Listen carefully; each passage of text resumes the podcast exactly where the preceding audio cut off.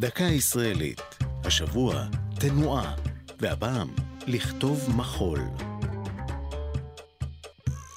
קפיצה, סיבוב או קידה.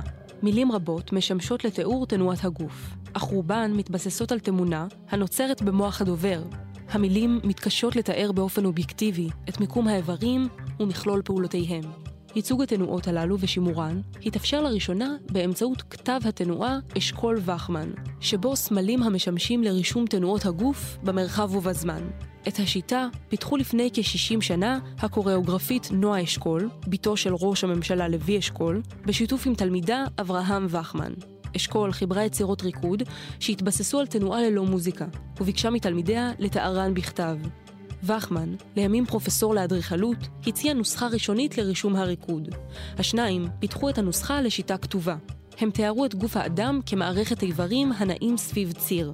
באמצעות מספרים, אותיות וסימנים גרפיים, תיעדו את המקום והתנועה של כל איבר במרחב ובזמן. כמו ספר תווים מוזיקלי, אפשרה השפה החדשה להעלות על הכתב ריקודים מכל הסגנונות. רופאים, ביולוגים ואומנים החלו להשתמש בה למחקרים שערכו על תנועה ושפת הגוף. נועה אשכול הלכה לעולמה בשנת 2007, ואברהם וכמן נפטר ב-2010. זו הייתה דקה ישראלית על תנועה ולכתוב מחול. כתב יובל אונגר, ייעוץ הדוקטור נירה אלדור, הגישה ענבר פייבל.